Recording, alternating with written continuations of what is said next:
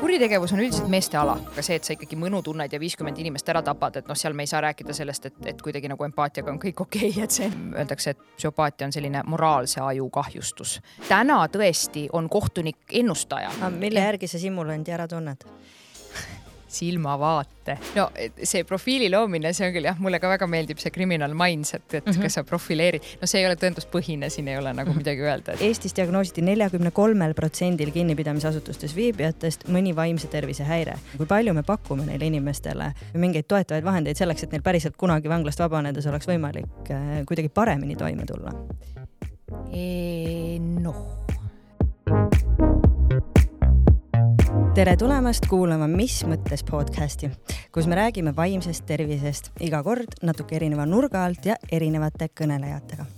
Mina olen Marta ja tänaseks oleme me läbinud oma erinevates episoodides juba väga erinevaid teemasid. me oleme ühiselt küsinud, et kas kunstnik peabki hull olema, ühiselt ümber lükanud vaimset tervist puudutavaid eelarvamusi ja arutanud näiteks selle üle, et milline roll on huumoril mängida meie vaimse tervise juures. kui mõni neist episoodidest on teil veel kuulamata, siis soovitan soojalt kuulata järgi ka eelmised episoodid ja mis iganes platvormilt te meid täna kuulate, siis ärge unustage kõige olulisemat, vajutage like või subscribe, märkige ennast ennast podcasti jälgijateks, sest et siis saame me teieni tuua veel enam huvitavaid vestlusi vaimse tervise ekspertidega. tänases saates võtame me arutusele kohtu- ja kriminaalpsühholoogia ehk siis milline roll on vaimsel tervisel mängida ja kuidas saab psühholoogia meile aidata mõista kuritegelikku käitumist. ja selle teema lahkamiseks on minu vastas Mari-Liis Mägi, kliiniline atesteeritud kohtupsühholoog ja neuropsühholoog. tere tulemast, Mari-Liis. tere, väga tore siin olla.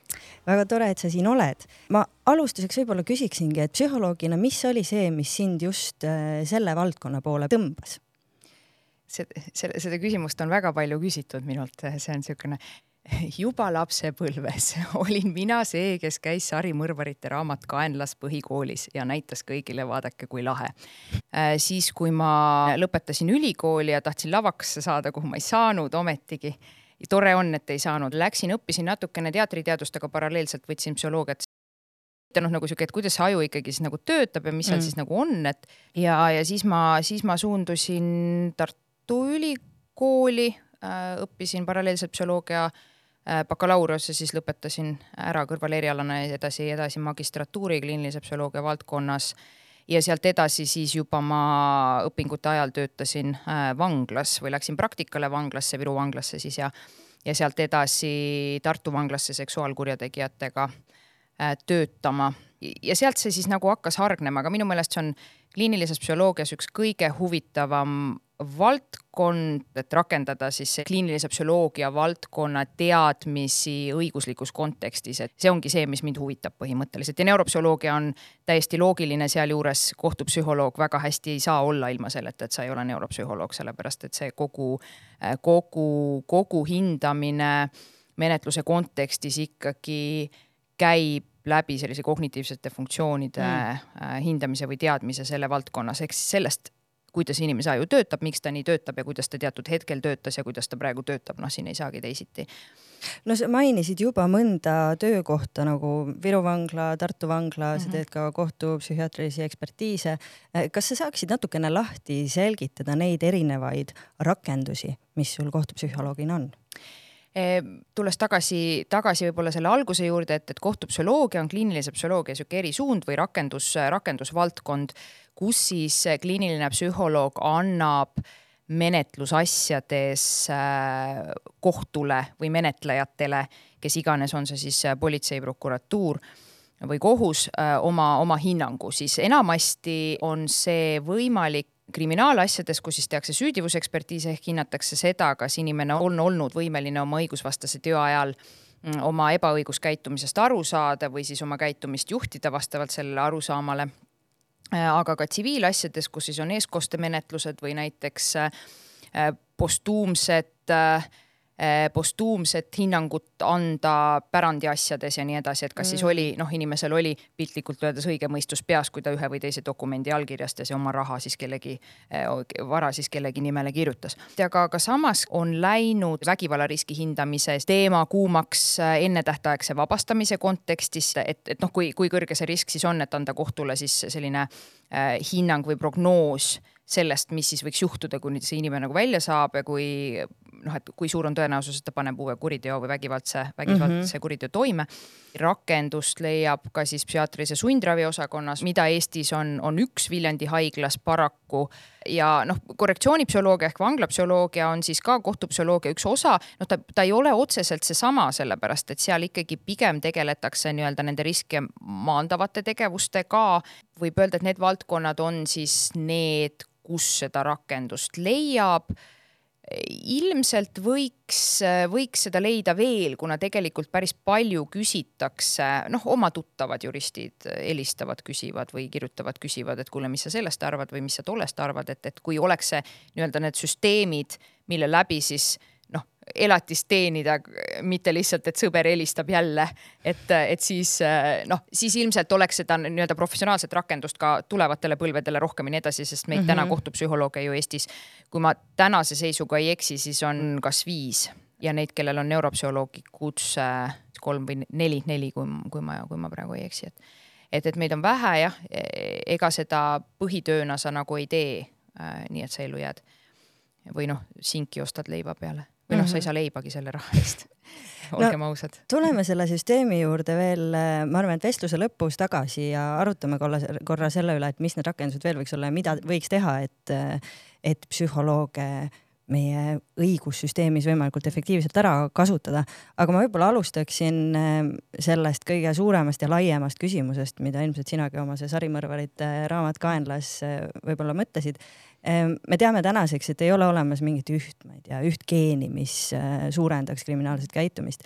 Aga kui sa riski hindamisega tegeled, äh, mis üldse on need faktorid inimese psühholoogias, neuroloogias, mis mõjutavad seda, et võib kujuneda kriminaalne käitumine? kriminaalne käitumine või noh, ütleme pigem me siis räägime vägivaldsest käitumisest mm -hmm.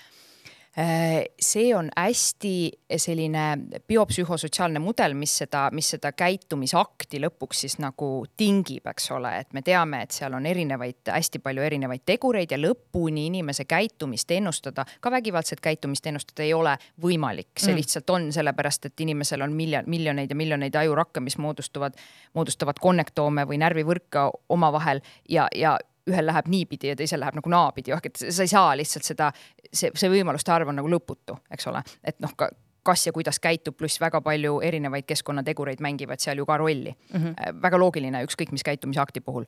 aga me saame äh, kasutada siis teadust äh, teatud määral me saame ennustada seda käitumist teatud määral, mitte väga suurel määral, aga siiski. ja, ja ma selgitan natuke selle seda, seda tausta siis ka, et, et, et üldjoontes äh, jagunevad sellised inimese äh, riskifaktorid, äh, mis siis ennustavad vägivaldset käitumist kahte suurde leeri, need on siis staatilised ja dünaamilised. staatilised on sellised faktorid, mis on muutumatud, nagu mm -hmm. näiteks vanus tähendab, vanus muutub, aga hästi aeglaselt selles mõttes. inimene ei saa seda ise muuta kuidagi. sugu, eelnev vägivaldne käitumine mingisugused äh, teatavad äh, noh, noh näiteks hospitaliseerimiste arv eelnevalt ja nii edasi, noh, et sa ei saa mitte midagi teha, see on olnud ja nii mm -hmm. ongi neid staatilisi tegureid on mitmeid veel ja erinevates uuringutes ja erinevates mudelites äh, arvestatakse mõnevõrra erinevaid, aga noh, üldjoontes nad ikkagi on noh, põhi, põhiasjad on samad äh,. Ja siis on dünaamilised riskifaktorid, milleks siis on näiteks psüühikahäire või noh, kui me räägime raskest psüühikahäirest enamasti äh, Äh, siis ähm, skisofreenia spekter, äh, bipolaarne meeleoluhäire, äh, mis siis ka ennustavad muuhulgas vägivaldset, korduvat vägivaldset käitumist, las ma siis täpsustan, eks ole, me räägime siin korduvast käitumisest, et seda on, on võimalik ennustada oluliselt paremini kui esmaskäitumisakti Äh, siis meil on, on näiteks sõltuvushäire mm, -hmm. narkootikumid, alkohol, eks ole, mis on ka teisipidi loogiline, seda, seda me ka ju ta, noh, tajume nagu tunnetuslikult justkui keskkonnast ka, eks ole. Äh, siis meil võib olla näiteks mingites mudelites haridus, eelnev töökoht või noh, mitte eelnev, jah, selles mõttes see võib olla küll nagu nii-öelda muutumatu faktor, et mis ta eelnev töökoht oli, aga ilmselt kui ta parema töökoha tulevikus saab, et siis me võime teda kuidagi ka nagu kaitsta, eks ole mm, -hmm. selle eest, et võib-olla ei lähe enam noaga vehkima ja varastama äh,. siis äh, mõnevõrra ka suhted, eks ole, lähisuhted ja nii edasi, mis võivad olla ka selline kaitsev faktor. noh, ma ütlen, neid on erinevates, erinevates mudelites erinevalt, aga mida võib-olla nagu meelde jätta, on see selline püha kolmainsus, eh, meessugu, eh, eelnev vägivaldne käitumine ja vanuselt siis pigem noor Mm -hmm. ehk siis mhm. nooremad mehed, kes on enne vägivaldselt käitunud, on kõige suurema riskiga, et nad käituvad veel, kui sinna lisada sõltuvushäire, kui sinna lisada raske psüühikahäire, siis sisuliselt on meil kõrge riskiga inimene ma ei hakkaks siin võib-olla langema väga detailidesse selles osas, et kuidas need nii-öelda hindamismudelid töötavad, sest et, et me räägime siin regressioon, statistil-, statistikast, puhtast statistiliselt regressioonmudelist mis siis on ennustusmudel, kus siis on erinevad faktorid sees, mis ennustavad seda lõppväljundit, on ju, see ongi mm -hmm. statistika, mis enamasti, mis on niisugune psühholoogia keskne teema, kõik arvavad, et on, et on nõustamine ja empaatia, tegelikult on statistika. Äh, võib-olla, okei okay,, kõlan natuke küüniliselt, aga, aga nii ta on, äh, vähemalt teaduses ja, ja see ja see lõppkokkuvõte siis, siis noh, näitab mingit, mingit teatavat väljundit, eks meie puhul siis vägivaldset käitumist. ja Eh, ja nagu ma ütlesin, neid mudeleid ja mõõdikuid on erinevaid. Ehm, neid on pigem selliseid rohkem, mõned on sellised, mis arvestavad väga palju staatilisi faktoreid ja nad arvestavad ja staatilised faktorid ennustavad ka oluliselt rohkem vägivaldse käitumise sellest äh, nii-öelda on suuremaks vägivaldse käitumise ennustajaks kui dünaamilised, mis on siis paradoksaalne, sellepärast et inimene ise ei saa sinna midagi teha, et ta on noh, mees või noor või on eelnevalt vägivaldselt käitunud, ta enam mm -hmm. ei mhm. saa sinna midagi teha. aga, aga need, kuhu ta saab sekkuda, need ennustavad oluliselt vähem seda käitumist, ehk et see, see on selles suhtes noh, kui me räägime statistilisest mudelist just, et, et need muutujad, mis on muutumatud ja mida inimene ise muuta ei saa, on suuremaks mõjutajaks sellele, mis tulevik toob vägivaldse käitumise osas, kui need muutujad, mida ta ise mõjutada saab. ja see on lihtsalt ongi, see ongi paradoksaalne. aga täna teadus ütleb meile seda ja, ja nii ta on. võib-olla, mis on ka oluline teada, on see, et ega need äh, mõõdikute mudelid ei ennusta ära nii-öelda, nad tabavad väga hästi neid, kes tulevikus enam kuritegu ei soorita vägivaldset kuritegu. ehk et statistikas neil on väga tugev äh, siis spetsiifilisus, mida me nimetame statistilises mõttes, aga küllalt väike sensitiivsus ehk et, ehk et nad, äh, need, kes on kõrge riskiga mm, -hmm. neid nad äh, nii-öelda, seal on rohkem siis eksimusi ennustamisel okay. kui neid, kes on madala riskiga. madala riski puhul me võime teatud mõõdikutega ennustada kõvasti üle üheksakümne protsendi, sisuliselt me saame nad kõik kätte. noh, kui hästi-hästi hinnata aga, aga need, kui on risk juba mõõdukas, siis tekib seal rohkem vigu selles mudelis ja ka kui risk on kõrge, siis tekib ka rohkem vigu. Ehm, jah, tõesti, ärme siin liiga igavaks ka mine, muidu inimesed juba panevad ära siin, et ei viitsi enam seda, seda kuulata. Äh, aga, aga üldjoontes, üldjoontes jah, teaduslikult hästi põnev paraku, paraku tõele au andes ja tõele näkku vaadates, siis äh, me super hästi seda veel ei ennusta, aga igal juhul on see parem kui kõhutunne mm. -hmm. igal juhul on see parem kui äh, kohtuniku või psühhiaatri või kelle iganes kõhutunne, et, et selles mõttes läheneme ikkagi, ikkagi, ikkagi teaduslikult asjale ja, ja noh, seesama, millest ma nüüd sulle rääkisin, et need on siuksed hästi kriitiliselt olulised äh, olulised tegurid näiteks äh, noh, sundravilt vabastamise osas, et kui patsient on psühhiaatrilisele sundravile sattunud, et, et kui me noh, näeme, et ta on noh, võib-olla piisavalt terve, et kas see on ütleme, et, et haigus on kontrolli all, aga võib-olla mingid muud riskifaktorid, eks ole, et, et, et see aitab meil siis identifitseerida neid, keda võib-olla äh, välja lasta või siis saata kuskile mujale asutusse või et noh mm, -hmm. ka identifitseerida seda, millised on nende inimeste vajadused edaspidi, eks ole, et, et kus on nende võib-olla õige koht, et võib-olla nad ei tule ise toime, vajavad hooldekodu, nii edasi, et need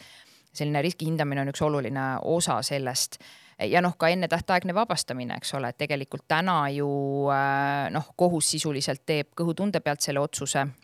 on see täna nii? et kui palju psühholoogide on. ekspertiisi kaasatakse nendesse otsustesse, kas? ei, ega mitte väga. Äh, ei ole süsteemis mingit standardit? ei ole, no tegelikult ega see noh, kui me, kui me räägime ennetähtaegsest vabastamisest, siis äh, Äh, siis tegelikult ei ole ka väga palju Riigikohtu suuniseid tulnud sellest osast, see ei ole mingisugune eriti kuum teema kusagil, et noh, ta on noh, täitemenetlus selles mõttes, et ta on selline menetlus, mida kiiresti noh, tuleb, eks ole, kiiresti teed ära, viskad edasi, et teed ikka nii-öelda üldmenetlustega tegeletakse rohkem, mis on siis mahukamad juristide mm -hmm. kohtunike laual et ennetähtaegne vabastamine on reeglina niisugune tüütu, ma loodan, et ma nüüd liiga ei tee kellelegi, aga, aga vähemalt seda ma oma, oma tuttavate, tuttavate sõprade käest kuulnud äh, nagu olen, aga samas on ta küll teatavates olukordades väga suure kaaluga, et keda me siis ikka laseme, keda me ei lase, sest et noh, õigus on ju inimesel ikkagi õigusriigis äh, on, on inimesel õigus äh, siis ennetähtaegselt vabaks nagu saada, eks ole tal on see võimalus, et millal siis vabastatakse, millal mitte, et ei ole, noh, täna tõesti on kohtunik ennustaja, kohtunik ennustab seda, ta ennustab rohkem kui noh, ikkagi mul. aga kui hästi sellised... ennustavad? no mõned ennustavad paremini kui teised, aga ega seal ei ole mingit väga selget süsteemi, sest et, et ikkagi, kuidas need teadmised on, enamasti on see mitte struktureeritud noh, sihuke kõhutunne mm, -hmm. et mhm. noh, mis, mis mulle kuskilt mingi väike sisemine hääl ütleb või vabandust, kohtu, kohtunikel on siseveendumus, mitte kõhutunne, ma ei tohi seda Just ikkagi nii. niimoodi niimoodi nagu ülekohut teha, aga, aga eks, eks see oleneb ka, kuidas on kogemus, kuidas on teadmised, aga ega see väga kindlust ei paku, et noh, ma täitsa kujutan ette ja noh, jällegi sõbrad-tuttavad rääkinud, et, et lähed sinna, ega sa täpselt noh, midagi oled lugenud kuskilt, aga ega sul ka mingit valemit ei ole. et, et kuidas võiks olla oma, oma parima teadmise juures sa seda nagu teed ja, aga ega, ega noh, nii ongi Äh, loomulikult on see valdkond, kus peaks olema spetsialist kaasatud ka, no siin ei saagi tegelikult muud moodi midagi muud väita, et ideaalis need, kes ikkagi, äh, need, kes ikkagi äh, noh, on pikaaegse karistuse saanud, me siin räägime sellised siis, siis isikuvastased rasked õigusvastased teod mm, -hmm. vägivaldne käitumine. noh, siin ikkagi võiks ju olla kuidagi keegi spetsialist kaasa rääkimas, kas siis riskiekspertiisi raames või, või siis kasvõi, kasvõi see, et, et, et ta kuidagi ütleme siis on nõustavas rollis äh,, mis iganes kontekstis, eks ole, täna, täna ju räägitakse sellest, et see ennetähtaegne vabastamine võiks üldse kohtutelt äh,, kohtute alt nii-öelda ära minna ja muuta, muut, muutuda kas äh, siis automatiseerituks mingite vahendite abil või siis äh, nagu näiteks USA-s on vanglakomisjonid, et, et vanglas siis moodustatakse mingi spetsialistide komisjon, kas need on vanglatöötajad, noh, kes iganes, eks ole, võib-olla ka mõned psühholoogid äh, ja, ja nemad siis otsustavad, et kas inimene saab vabaks või mitte, et, et seda noh, kas see muudatus tuleb või ei tule, me täna ei tea, aga me võime, võime ju loota loota või vähemalt mina arvan ja, ja ka teiste spetsialistidega äh, konsulteerid, konsulteerides äh, arvatakse, et see võiks olla üks, üks suund küll, kuhu ju minna, sest et noh, riski hindamine ikkagi on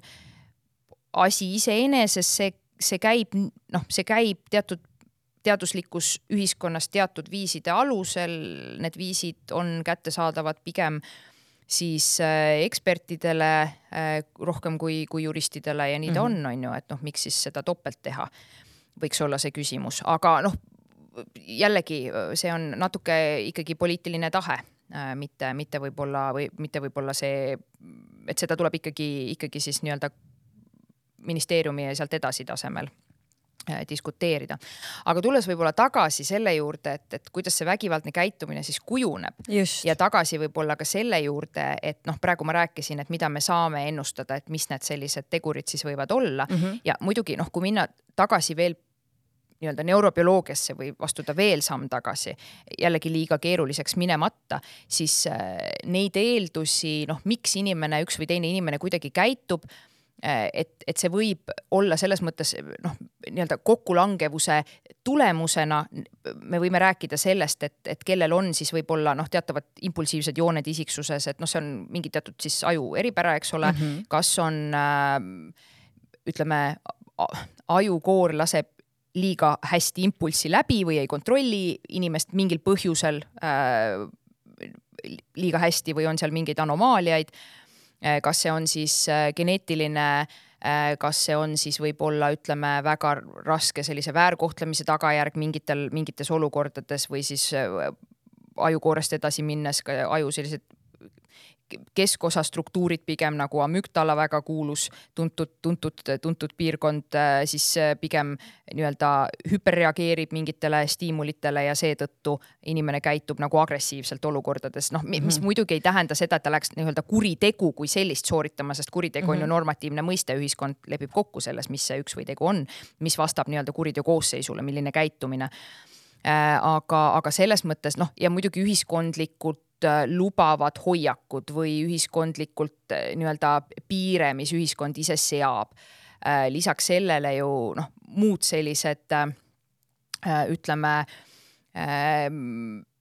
isiku, isikust lähtuvad tegurid, kas ma ei tea, keegi vaatab pealt või ei vaata pealt, kuidas ta tajub, milline on tema ärevus siis kuskil ekstreemsetes situatsioonides, noh, kui me väga äärmuslikuks läheme, siis me võime, rääkida ka sellistest noh, kas isiksushäiretest, düssotsiaalne isiksushäire näiteks, mille üks diagnostiline kriteerium on õigusvastaste tegude sooritamine näiteks on ju, et kui sa diagnoosid. täiesti diagnostiline. täiesti diagnostiline kriteerium mm., et, et kui sa noh, et, et, et see, see alati ei, noh, ta, ta sisuliselt ikkagi alati kõik düssotsiaalid, keda, düssotsiaalse isiksushäirega inimesed, vabandust mm, -hmm. keda, keda mina olen näinud, on see komponent seal kindlasti juures olnud. või siis, kui me räägime sellisest äh, kontseptsioonist nagu seda on psühhopaatia, see ei ole küll häire, seda ei peeta häireks, aga, aga peetakse teaduskirjanduses siis selliseks äh, arengu, arenguliseks eripäraks, mhm. kus -hmm. inimese Äh, inimese mm, need ajupiirkonnad, mis võib-olla reguleerivad sellist emotsionaalset käitumist või empaatiavõimet, seesama amüktala,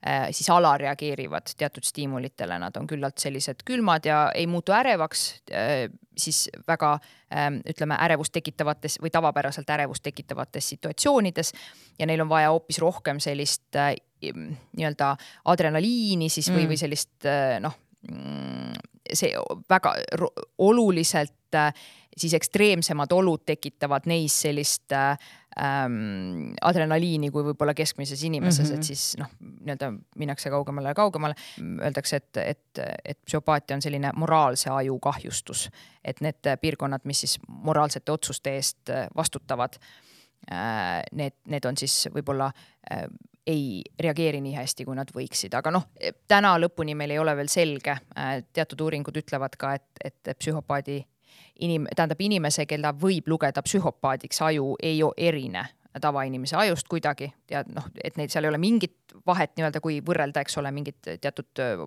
ajupilte näiteks äh, funktsionaalselt funktsionaalses magnetresonanttomograafias tehtud mm -hmm. pilte, et seal ei ole mingit erisust, osad ütlevad, et ikkagi mingi erisus on mm, -hmm. aga, aga, aga pigem äh, pigem, pigem jah, et see on ikkagi selles mõttes lõpuni müstika, et me ikkagi ei tea, miks mõni inimene sünnib kurjana nii dramaatilisena, kui see ka ei kõla. noh, kurjana otseselt mitte, aga miks, miks tal ei ole väga suurt probleemi teha kellelegi suurt kahju ja tal ei ole sellest väga mingit äh, emotsiooni väga ei teki et ja jälle teised, teise, teine inimene noh, noh jumala eest tunneb ennast väga-väga süüdi, kui ta vähegi kedagi kogematagi kahjustab, eks ole, et, et seda, neid erisusi on olemas.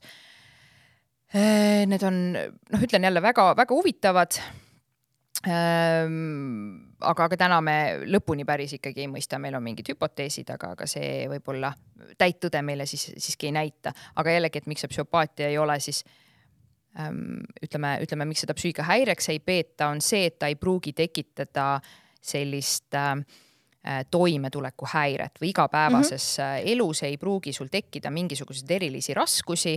Äh, need inimesed ei pea tingimata tegema midagi paha, midagi kurja, õigus, nii-öelda õiguslikus kontekstis nad ei pruugi seadust rikkuda mm. -hmm. Nad võivad olla küll näiteks amoraalsed või valetada või manipuleerida või äh, ära kasutada teisi, aga noh, see ei ole ometi ju igal juhul äh, alati illegaalne jah, et nagu sa tegelikult ütlesid, et äh, kui sa hindad korduvat riski või riski korduvale õigusrikkumisele mm, -hmm. et siis on sellised äh, mainisid skisofreeniat, bipolaarsust muuhulgas on ju, et siis on need hästi suured faktorid on ju.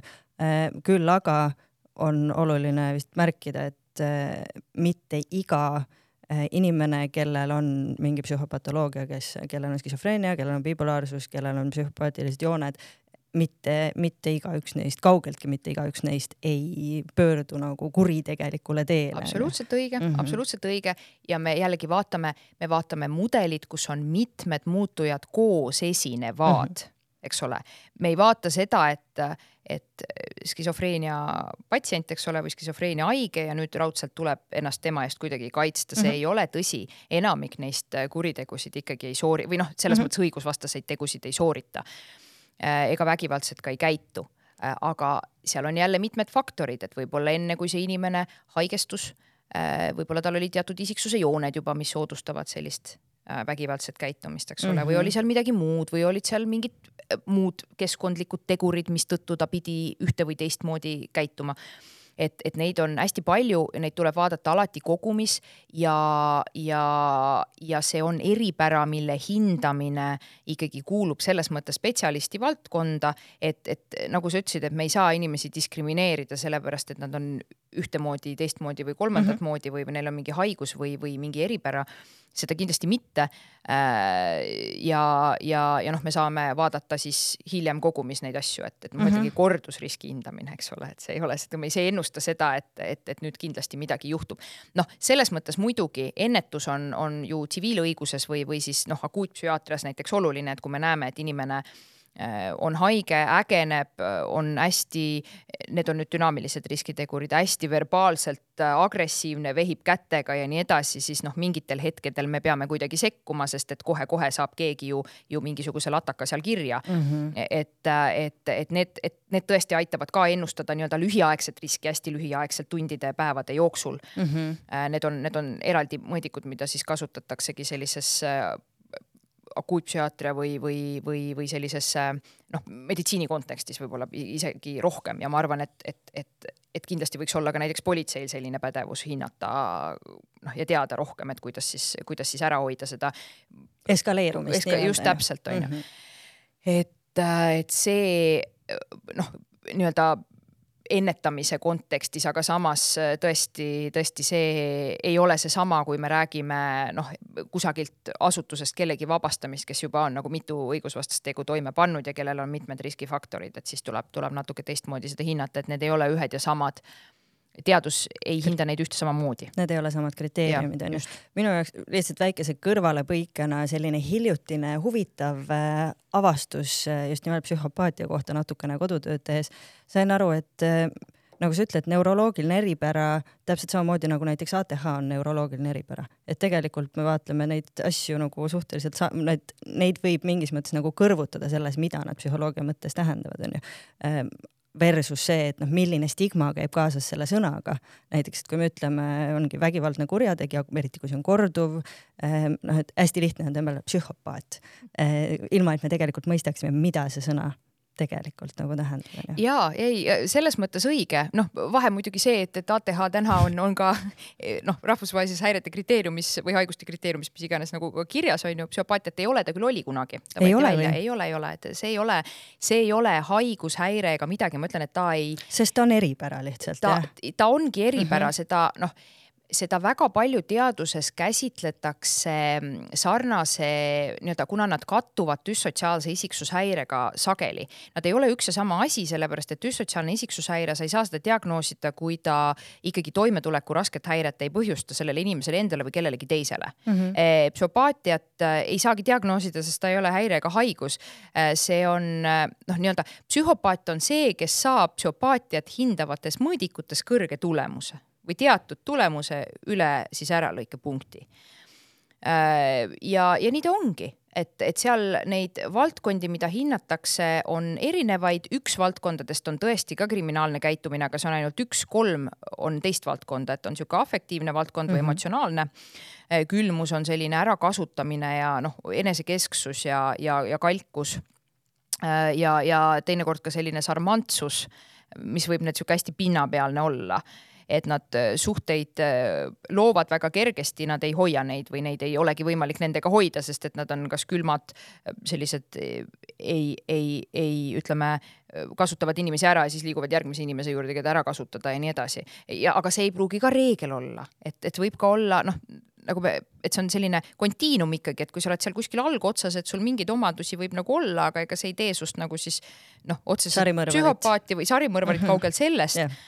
Et, et sa lihtsalt oled selline ja noh, lõpuks ei olegi seal ju vahet, mis need eeldused on, et sina reguleerid oma käitumist nii ehk naa. noh, et tahtest olenematuse käitumine pole mingil juhul, sest muidugi teatud kontekstides jälle niisuguses õiguspsühholoogia maastikul vaieldakse, et kas ei peaks need inimesed, kellel on eripära siis empaatiavõimes juba algselt sünnipäraselt. Ja kui nemad siis mood-, noh, sooritavad mingisuguse õigusvastase teo, et kas me ei peaks rääkima nende puhul näiteks piiratud süüdivuse kontekstis no ei pea, sellepärast et noh, piiratud süüdivus on siis õiguslikult tähendab seda, et inimene täiel, et ta oli nagu psüühika, noh, tal peab olema psüühikahäire, millest tulenevalt äh, ta siis ei olnud võimeline noh, paljuski või vähemalt osaliselt ei olnud võimeline oma käitumist näiteks kontrollima või, või kuidagi ei saanud aru siis oma ebaõiguskäitumisest. ja seda vaieldakse teaduses, mitte õnneks Eestis veel, ma loodan, et see ka siia ei jõua aga vaieldakse teaduses, et kas see psühhopaatia võiks nagu kuuluda sinna hulka, mis siis tähendab, et, et ikkagi, et ikkagi sellised noh noh, kui te nüüd mõtlete mingisuguse väga räige sarimõrvari peale, noh, kuna kelle on... hulgas muide ju on psühhopaatide protsent väga kõrge, eks ole. see ongi, see ongi, see ongi reeg-, see ongi tegelikult reegel, see ongi tegelikult ilmselt, kui me räägime ikkagi niisugustest Ted Bundy sugustest äh,, siis noh, see on ikkagi reegel pigem, kui ta on erand mm.. Äh, et seal ikkagi see psühhopaatia skaalal on neil suhteliselt kõrge tulemus et, et sul selleks, et ikkagi nagu järjepanu inimesi tappa ja sellest mõnu tunda, et see empaatiavõime ei saa olla väga kõrge. no ta mhm. lihtsalt ei saa olla, see lihtsalt ei tule välja. et teine asi on see, et kui sa nagu noh, teed seda selleks, et, et ellu jääda mingil, ma ei tea, põhjusel, mingil instrumentaalsel põhjusel ja muud riskitegurid ka, eks ole et siis,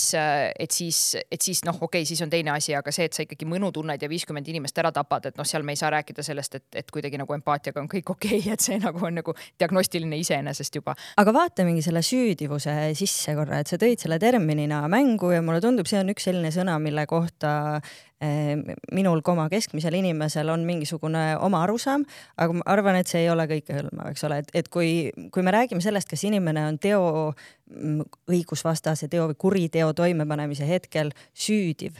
Ehm, mina mõistan seda nii, et kas inimene on võimeline, ehm, nagu sa ütlesid, kontrollima oma käitumist, aga ka mõistma oma käitumist. saan ma sellest õigesti aru ja mis komponendid seal tegelikult veel on? Võib-olla äh, peaksin olema keegi jurist minuga kaasas, kes siis selles mõttes seletab, et ega, ega ju noh, kui me räägime juurast me räägime seadustest, me räägime sellest, mis on kuskile kirja pandud ja mida keegi kuidagi tõlgendab mingis kontekstis mm, -hmm. enamasti see on siis jurist noh, kohtupsühhiaatrid ja kohtupsühholoogid peavad teadma ja sellest aru saama, kuidas seda tõlgendatakse, peavad mõistma ja neil peab olema ka mingisugune arusaam sellise noh, oleneb, kes kus valdkonnas, kas tsiviilõiguses või karistusõiguses toimetab, et, et selle, selle valdkonna nagu toimimise nagu sellist põhitõdedest peavad ikkagi nagu, seda peab mõistma. et, et, et seetõttu eh, ma mainin lihtsalt selle ära, et, et ei saa olla nii, et ma eh, noh, lõpetasin siin kooli ja nüüd olen psühholoog ja siis hakkan räigelt ekspertiise tegema, et ei, sa tegelikult pead ikkagi omandama ka teadmisi just sellest spetsiifilisest õigusvaldkonnast, kus sa seda ekspertarvamust andma mm -hmm. hakkad. vastasel juhul sa ei saa aru, mida sa teed, sest et sa pead ka teadma terminoloogilisi erinevusi ja seda noh, kuidas mingit asja tõlgendada ja kuidas siis. ja et mingis mõttes süüdivus ongi õiguslik, mitte psühholoogiline see, küsimus see puhtalt, see on puhtalt mm, -hmm. see ei ole absoluutselt psühholoogiline, see just, et see tõl-, nagu, nagu kolleeg Tiina Kompus ütleb ikka tõlkekabinetti on meil vaja ja kogu aeg meil on see küsimus, kus see tõlkekabinet on, sest me vaidleme noh, aastakümneid vaidleme nende asjade üle, et kelle roll siis päris täpselt midagi teha on, eks ole, kus see juristi roll lõpeb ja, ja, ja eksperdi roll nagu, nagu algab ja, ja vastupidi äh, aga, aga, aga tulles, tulles siis süüdivuse juurde, see on puhtalt juriidiline termin, see on sõna, mida me leiame karistusõiguses äh,. Mida me leiame siis ka karistusseadustikus mm -hmm. äh, ja, ja me, me leiame, et, et see tähendab seda, et äh, süüdi nii-öelda inimene on süüdimatu ehk et ta siis äh, süüdimatu on ta siis, kui ta ei saanud oma õigusvastase teo toimepaneku ajal aru selle teo ebaõigusest ehk et puudus ebaõigus arusaam või ei suutnud oma käitumist vastavalt sellele arusaamale juhtida. No aga ma segan sulle korra vahele, see, et ei suutnud oma käitumist juhtida, siis võiks öelda, et äh, mina ärritusin äh, nii, noh, ärritusin mingis olukorras nii, et äh, ma ei tea, inimene ütles midagi, solvasin, ma läksin nii endast välja, et võtsin noa välja, tapsin ta ära, ma ei suutnud kontrollida oma tahet tappa. noh, et see jätab sellise tõlgendusruumi justkui ja mingis mõttes ju paljud vaatavadki nii, et ega justkui iga sellise kuriteo taga peaks olema mingi võimetus kontrollida ei ole. ei ole. jah, sest e, ega noh, selles mõttes bioloogia või neurobioloogia on üks asi, me ja, ja tegelikult ega ju teaduses vaieldakse selle tahtluse, see on nüüd teine juriidiline kontseptsioon on tahtlus, et mis see tähendab, sinna me praegu ei lähe, räägime mm -hmm. sellest süüdivusest ära, muidu läheb liiga segaseks et jällegi juristid teavad paremini, nii et andke mulle sõbrad andeks, kui ma teie valdkonnas siis nüüd sõna võttes eksin Äh, aga äh, igal juhul see on nii-öelda kahe, seda tuvastatakse kaheetapiliselt. Äh, okay.. kõigepealt tuleb tuvastada esinev raske psüühikahäire, mis peab olema diagnoositud, fikseeritud ja ta peab olema sellel ajahetkel, kui see õigusvastane tegu toime pandi, ta peab mõjutama seda inimest, ta peab olema, nii-öelda ta peab olema olemas. Äh, see tähendab, kui me räägime sellistest rasketest psüühikahäiretest õiguslikus kontekstis, siis me räägime häiretest või haigustest, mis on väga spetsiifilised ja mis piltlikult öeldes võtavad mõistuse peast. noh mm, -hmm. ma kasutan seda terminit, et oleks mm -hmm. mõistetav rohkem.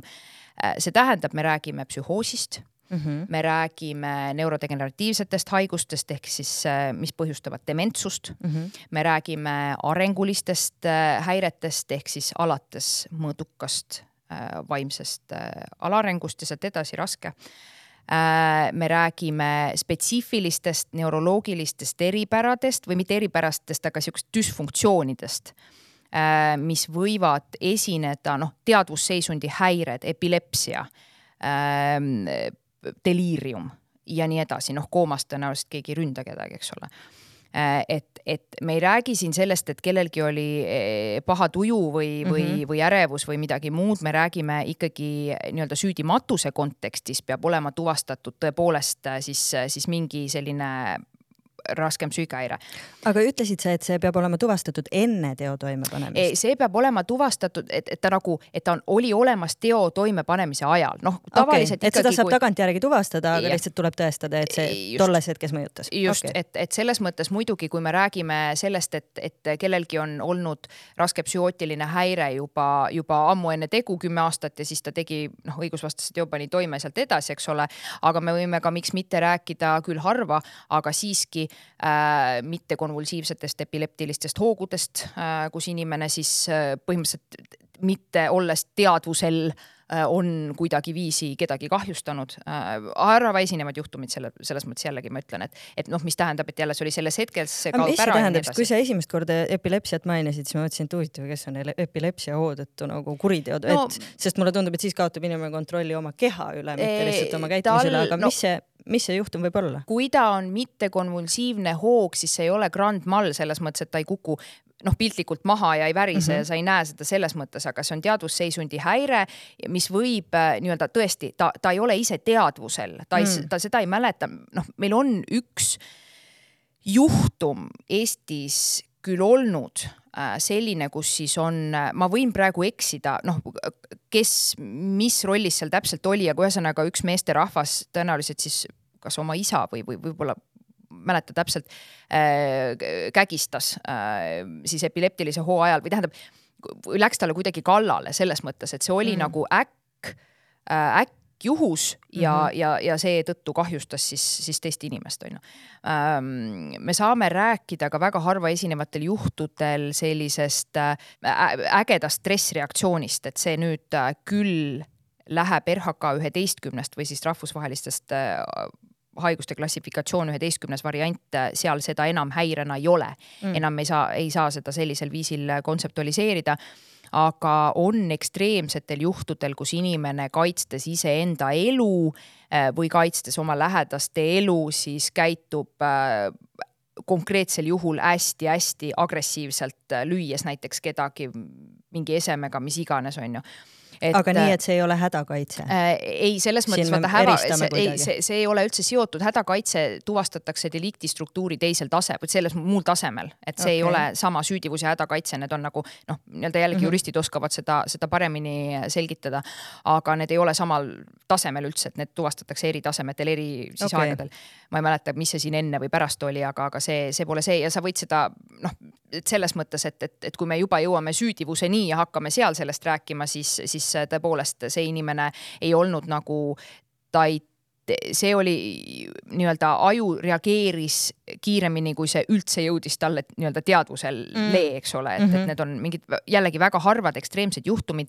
väga nii-öelda sagedasemad juhtumid on need, kus siis äh, inimene olles psühhoosis või olles äh, näiteks äh, dementne ähm, või olles deliiriumis või, või mis iganes siis kuidagiviisi noh, kahjustab kedagi teist. et, et siin me saame rääkida, need pigem on, on nagu need juhtumid, mis on tavapärased või, või siis tõesti arengu, arenguhäirega äh,. kui mõelda nüüd ja see üks asi, eks ole, see on, süüdivus on siis kahetasemeline, üks on need meditsiinilised kriteeriumid ja siis on juriidilised kriteeriumid ehk psühholoogilised kriteeriumid mm. -hmm. seda meditsiinilist kriteeriumi hindab äh, siis äh, noh, kompleksekspertiisil arst ja, ja kliiniline psühholoog või psühhiaater, kliiniline psühholoog äh,. seda jurist ei hinda, sest et tema ei saa seda tuvastada kuidagi, tal ei ole neid eriteadmisi. aga siis süüdivuse juriidilised kriteeriumid ehk, ehk siis psühholoogilised kriteeriumid, need on siis need, millest ma ütlesin, millest ma enne rääkisin, et kas ta sai sellest haigusest või häirest tulenevalt oli tema ebaõiguse arusaam häiritud või siis käitumise juhtimise võime kuidagi häiritud mm. -hmm. et selles mõttes. E, ja ma ütlengi, ja häiritud ja see on nüüd neuropsühholoogia, see on isegi puhas neuropsühholoogia üks null üks, häiritud sellel tasemel, et, et ta ei saanud üldse aru mm -hmm. või siis oli käitumine, käitumise juhtimise võime väga oluliselt häiritud, noh, kadunud sisuliselt siin me saamegi rääkida ainult nendest äh, väga rasketest äh, siis äh, häiretest, millest, mida ma just sulle kirjeldasin mm. -hmm. aga kuidas sa seda tagantjärgi hindad, kas see ongi lihtsalt mingi tõenäosuse alusel, et kui sa tuvastad, et selline seisund inimesel üldiselt on, et noh, mille alusel sa ütled, et pi-, nii häiritud, et see oli mhm. selles hetkes nii häiritud? dokumendid mm.. kogu, mulle meeldib üks meem, kus on äh, forensic psychology, noh, forensic psychology on siis kohtupsühholoogia mm, -hmm. eks mhm. ole, või forensic neuropsychology, mis siis on noh, angloameerika õigusruumis USA ja, ja Suurbritannia ja nii edasi äh,. nii-öelda selline, selline väga noh kuidas öelda, välja peetud ja austatud sihuke amet, eks ole, et siin on üks meem käib ringi, kus siis eh, kõik, et mida arvavad siis teised, mida teeb siis forensic psychologist või kohtupsühholoog ja siis arvatakse, et küll on põnev ja näeb seal igast noh, tead nagu criminal minds ja teema ja nii edasi aga mida ta tegelikult teeb, on hoiab peast kinni ja loeb lihtsalt nagu noh, see ongi see, et sa menetlusdokumendid, äh, inimese haiguslood, muud materjalid, sa paned kogu selle inimese elukäigu või narratiivi sisuliselt alates sünnist kuni selle hetkeni, kui ta selle õigusvastase teo sooritas. ja, ja ka selles vaatad... hetkes pead sa väga detailselt orienteeruma, et saada aru, kuidas see olukord lahti rullas. ja, ja ongi, ongi mm., sa peadki kõike teadma, sest et see ongi noh, ja need on nüüd eriteadmised mm. -hmm. Need eriteadmised on see, mida me aastaid ja aastaid õpime, omandame praktika käigus käigus kui teoreetiliselt. ja, ja siin on hästi palju ka sellist õiguspsühholoogia või, või, või kohtupsühholoogia, kohtupsühhiaatria ja ka õiguslikku kirjandust, mis paraku kõik küll tuleb välismaalt, sellepärast et meil väga-väga see valdkond ei ole arenenud või noh, üldse ei ole. Äh, ja, ja, ja selle põhjal siis need kontseptualiseeringud selles mõttes nagu tulevad, et sa pead hindama kõik, kuidas inimene on toime tulnud, nii edasi, kuidas see psüühikahäire ja noh, see ei ole eelnevate ravilugude kokkuvõte, et sa ei kirjuta, et seal diagnoositi see, seal diagnoositi see, ilmselt on see, sa pead vaatama nii-öelda metaanalüüsides kõiki neid andmeid, pead jõudma järeldusele, esiteks, kas tal üldse esines mingi psüühikahäire, kas see on üldse mm -hmm. võimalik kuidagi. vahet ei ole, mis tal varem diagnoositud on või ei ole teiseks, kuidas see psüühikahäire konkreetselt selles hetkes mõjutas tema ajutööd ja see on nüüd see kunst, see on nüüd see, mida sa nende, nende dokumentide põhjal, eks loomulikult on eksimisvõimalus, ei saagi muud väita, noh, sest alati on, kui ma seal ise ei olnud, tead, ei näinud, eks ole. Mm. -hmm aga, aga kui materjal on piisavalt, materjalile ligipääs siis antakse, mida alati ei pruugi olla, aga noh, siis, siis ei tohiks tegelikult tehagi seda ekspertiisi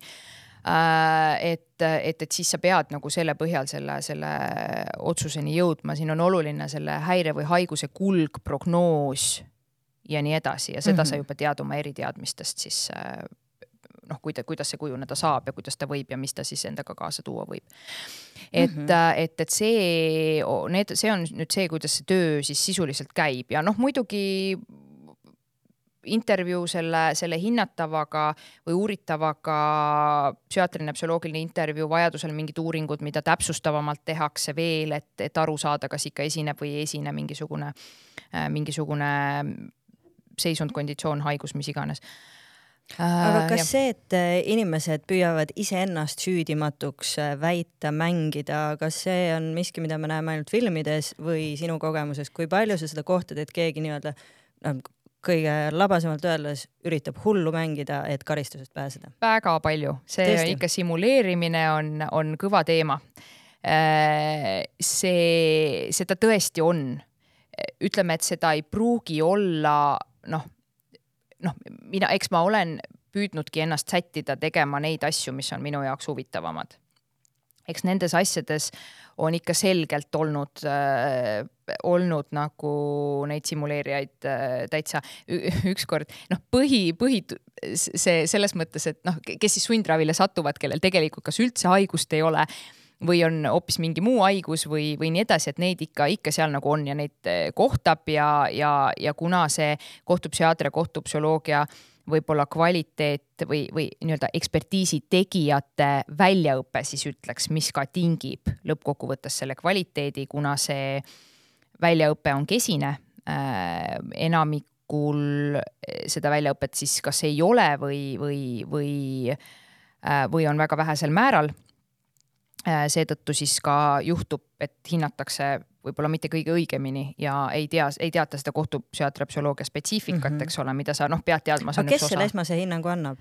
Äh, et kui... kas inimene läheb sundravile või läheb ta arestikambrisse? see esmase hinnangu, tähendab arestikambrisse, see noh, see kui ta vahistatakse, see ei ole noh, keegi ei anna siis veel mingit mm -hmm. hinnangut, seda, seda siis peab noh, kes iganes politsei, kes teda vahistab seal või kohus, kui ta pikendab seda, peab vaatama aga põhimõtteliselt on see, et kui ikkagi inimene paneb toime mingi õigusvastase teo ja kui jääb kahtlus sellele, et ta võiks olla, siis tal võiks esineda mõni psüühikahäire, mis seda kuidagi mõjutas seda tegu toime panema, siis tellitakse siis kohtupsühhiaatriline ekspertiis, kas mm. ainult siis psühhiaatrilt või kliiniliselt psühholoogilt ja psühhiaatrilt ja siis äh, siis äh, enamasti ütleme, et need, kes teevad täna äh, vabariigis, väga vähe on need, kellel on kutse, eks ole, kas siis kohtupsühhiaatri kutse või kliinilise kohtupsühholoogi kutse kohtupsühhiaatreid, kui ma jälle ei valeta praegu või õigesti mäletan, kas oli viis või kuus ja, ja kohtupsühholooge on sama palju mm. -hmm. ja ülejäänud tegijad on siis enamasti Eesti äh, kohtuekspertiisi instituudi lepingupartnerid ehk siis suure, suuremad haiglad, äh, kus siis nii-öelda tavapsühhiaatriline personal teeb seda, kellel ei pruugi olla mingit spetsiifilist väljaõpet, reeglina ei olegi Äh, ega ka eriteadmisi kohtupsühhiaatria mhm. või psühholoogia valdkonnas, äh, mistõttu ütlemegi niimoodi, et see eksimuse võimalus on suurem ja noh, seda me oleme ka tegelikult näinud, et äh, ka sundravi osakonnas, et sinna on sattunud inimesed, kes, kes võib-olla kas ei peaks seal olema, kuna nende haigus või häire ei olegi ravitav, et see on nagu püsiv, kas siis raske arenguhäire või või, või siis näiteks dementsus on ka näiteks simuleerinud nii palju, et nad on siis sinna, sinna sattunud.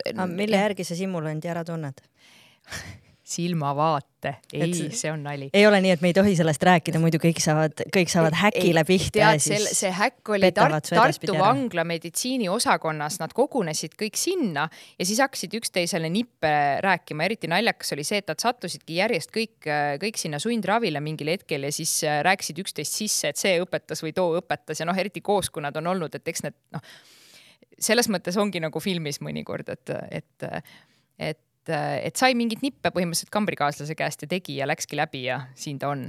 ja noh, siis läheb tagasi vangi, pole, pole midagi.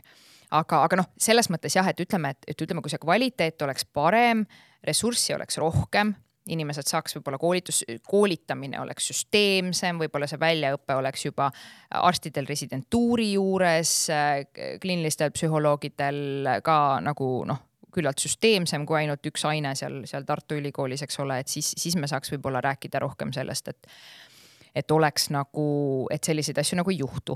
Ähm, ma ei saa protsenti täna öelda, sest ega keegi seda, seda, seda statistikat pidanud otseselt ei ole, aga, aga ikka tuleb ja tuleb neid inimesi, kes on simuleerinud. Ja noh, ega need, seda võiks ka juhtuda tegelikult noh, ükskõik mis olukorras, et võib-olla, võib-olla oleks seda või, mõnevõrra vähem, aga mõni satub ikka vahele eks ole ähm,. aga, aga võib-olla jah, et, et, et kõige võib-olla sellisem noh, kuidas ma ütlen nüüd, kas kurvem või, või, või, või kõrgema riskiga olukorrad on võib-olla need, kes on siis sooritanud oma õigusvastase teo, olnud noh, hästi vägivaldsed, tõesti mm -hmm. kellegi vastu, kas siis kas siis tapnud või, või, või väga tugevalt siis füüsiliselt väga raskelt vägivaldsed olnud see menetlus lõpetatakse neile ära, nad saadetakse sundravile. Ja kui meie vaatame, et äh, sellel inimesel ei ole seda haigust, millega ta siia saadeti, siis ta, me teeme ukse lahti ja ta läheb välja. ta ei saa vanglakaristust noh. et see ole, protsess ei ole kuidagi tagasi ei, ei ole, ei ole, see menetlus, keegi nagu noh, seda teistmist seal nagu ei toimu, et kui see menetlus on suletud, siis ta on suletud ja siis lähebki välja. et selles mõttes, et, et see on nüüd see, mida nagu, millega võib-olla minna inimeste südametunnistusele koputama et, et ega see ei ole nagu noh, me ei saa nagu kedagi kinni hoida, kui tal ei ole midagi ravida, et siis tuleb see sundravi ära lõpetada, nii ongi. et võib-olla kui äh, noh, selles mõttes tuleks, see on nüüd seadusandjale küsimus mm -hmm. jällegi, see on nüüd küsimus poliitilises tahtes mitte milleski muus, et, et, et kui nüüd sellised asjad juhtuvad, et mis me siis teeme, sest et tegelikult ongi, et noh, et uks lahti ja läheb välja, nii ongi, et, et siin. kas selliseid juhtumeid esineb? on esinenud. sinu praktikas ka? minu praktikas ka, just. Et, et, et, et kahjuks, kahjuks mm. küll jah, et, et noh, eks me siin, ega ma ütlengi, neid võib esineda ka hüpoteetiliselt siis, kui kõik on väga pika mahuka väljaõppe läbinud ja ikka, eks ole, aga, aga võib-olla see tõenäosus oleks mõnevõrra väiksem, noh, ma ütlengi mm -hmm. jälle numbritest me ei saa siin rääkida, sest keegi seda statistikat ei pea, aga, aga ma arvan, et võiks äh, igal juhul sellele tähelepanu nagu pöörata, et, äh, et, et mis siis, mis siis teha mm. -hmm kui me oleme sellises olukorras, on ju. et noh, õnneks jällegi ei taha üle dramatiseerida võib-olla seda olukorda, et, et võib-olla jah, seda igapäevaselt nüüd ei juhtu mm, -hmm. aga noh, ma ei tea, kas ma võib-olla tahaks, et see ükski kord oleks nagu juhtunud või aset leidnud, et, et eriti kui me tahame või noh, pürgime selle poole, et olla nagu tõenduspõhine ühiskond ja kuidas asju võiks teha ja nii edasi noh, ja siis tein teisest otsast, ega kuskile seda raha väga ei jätku, on ju, et äh, nagu me, nagu me näeme ka, eks ole. no nii on. Mm, me oleme hästi palju rääkinud praegu just vägivallakuritegudest. Ehm, kuidas on lugu muud laadi süütegude, kuritegudega, et kas mingisugused, äh, ma ei tea, on need isiksusomadused, mingid psühholoogilised profiilid ähm, on kuidagi seostatavad ka, ma ei tea, varavastaste kuritegudega äh,. noh, seksuaalkuritegevus on, on vägivallategu, aga noh, mingisugune selline spetsiifiline liik sellest, et milliseid seoseid sa saad veel välja tuua, ma ei tea, kas mingit tüüpi inimesed, mingi häirega inimesed äh, panevad suurema tõenäosusega toime näiteks pettusi või noh, et mm -hmm mida me veel saame üldistada või mida teadus näitab? see on väga hea küsimus, ma just lugesin artiklit äh, mitte nüüd liiga kaua aega tagasi, kus äh, artikli pealkiri vist oligi, et, et mittevägivaldne, mittevägivaldsed õigusvastased teod, kas kohtupsühholoogia underdog või noh, selles mõttes, et tegelikult neid, et kui noh, jõuame sinna, et, et need õigusvastased teod, mida loetakse siis äh, ähm, näiteks majanduskuritegudeks mm, -hmm. meil on hästi hästi lai valdkond, eks ole, me räägime siin varavastastest kuritegudest, et võtsin kakskümmend eurot kellegi taskust, me räägime siin tegelikult ju noh, miljonitest ja miljonitest, me räägime petmisest, me räägime noh, keelmustest, mis iganes mm. -hmm. nüüd teaduskirjandus ütlebki seda, et et noh, kui vägivaldse käit-, vägivall, vägivallakurjategija profiil on suhteliselt sihuke homogeenne, me suudame sealt välja sõeluda nüüd hunnik tegureid, mis seda riski ennustab, siis eh, need inimesed, kes mahuvad sinna majanduskuritegude või sellise muu kuritegevuse valdkonda, nende profiil hästi heterogeenne, selles mõttes, et varastama ilmselt läheb see inimene, kellel süüa ei ole ja, ja kelmust läheb, läheb läbi viima võib-olla see inimene, kellel raha vaja ei olegi, aga ta lihtsalt mingil põhjusel tahab seda veel saada või otsib ta sealt mingit põnevust. et selles mõttes sellist profiili ei saa väga hästi välja tuua, sest neid te teadusuuringuid on suhteliselt vähe.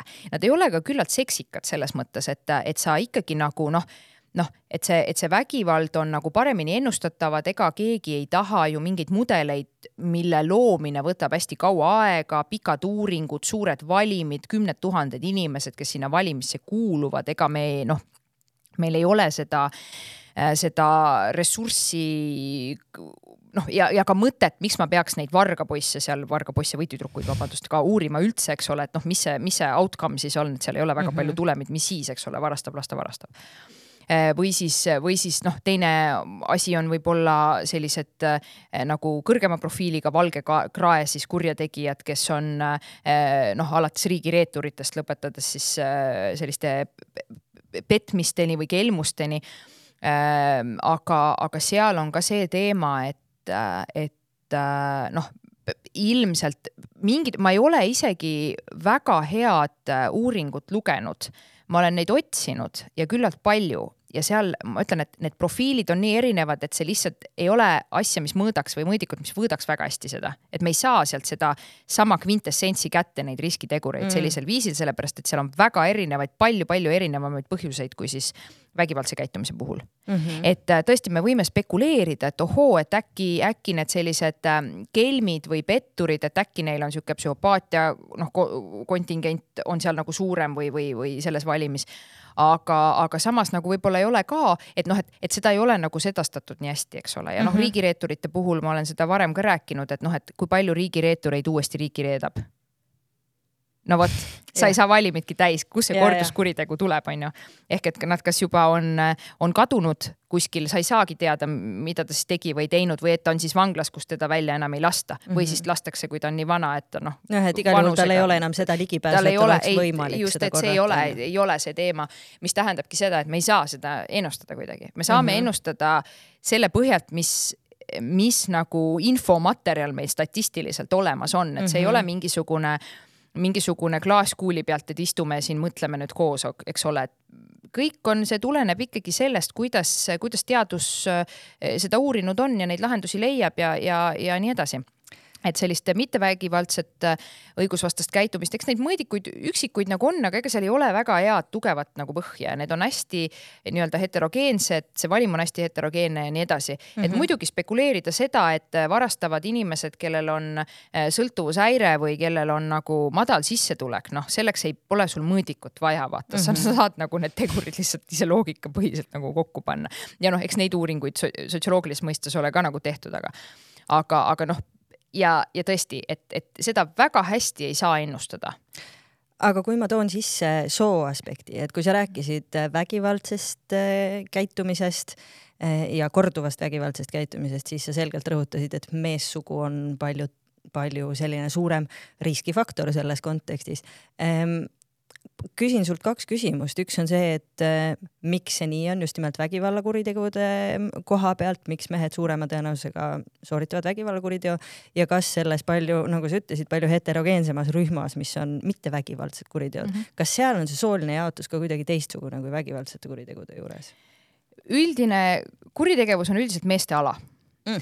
miks see nii on, erinevad hüpoteesid äh, pigem noh, kui me vägivaldsest käitumisest räägime ja jällegi hästi keeruline fenomen, hästi palju hoiakuid ja, ja väga palju ka võib-olla ütleme, ütleme sellist äh, siis äh, ähm, noh, ütleme pigem nagu noh, võib-olla perevägivalla näide on vast selline kõige parem seda illustreerima just selles mõttes, et, et see, et, et perevägivalda et noh, on nagu on see niisugune patoloogiline lähenemine, mis ütleb, et noh, et tal on, ma ei tea, isiksushäire või niisugune, niisugused jooned ja nii edasi, aga et ta pigem on ikkagi nagu see hoiakuline tegur on seal hästi-hästi suur. noh, selline ühiskondlik hoiakuline tegur, mis on mm. sisuliselt äh, ikkagi, ikkagi nagu tuleb läbi selle läbi selle sellise ühiskondliku prisma ja üldiste hoiakute ka noh, vägivaldne käitumine üldse, et kas on lubatav mõnes ühiskonnas, noh, meil on ju okei okay,, et kui me siin ühtesid või teisi vähemusrühmi nagu noh, kividega loobime mingil põhjusel, eks ole, noh, meie ühiskonnas see okei okay ei ole, eks ole, noh, meie õigusruumis.